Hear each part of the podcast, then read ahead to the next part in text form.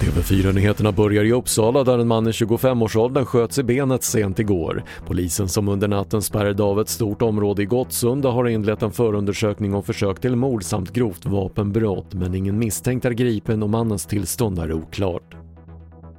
Den man i 30-årsåldern som häktades igår misstänkt för 19 grova våldtäkter på ett äldreboende i Västsverige är tidigare dömd till fängelse för flera grova stölder från äldre.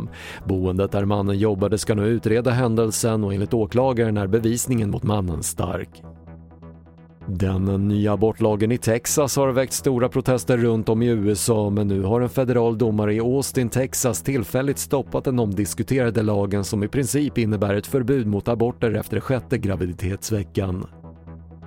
Och två Picasso-målningar går under klubban i höst på auktionsverket Christie's i New York. Den ena målningen som har funnits i privat ägo i över 60 år och gör sitt första framträdande på auktionsmarknaden uppskattas vara värd mellan motsvarande 175 och 265 miljoner kronor.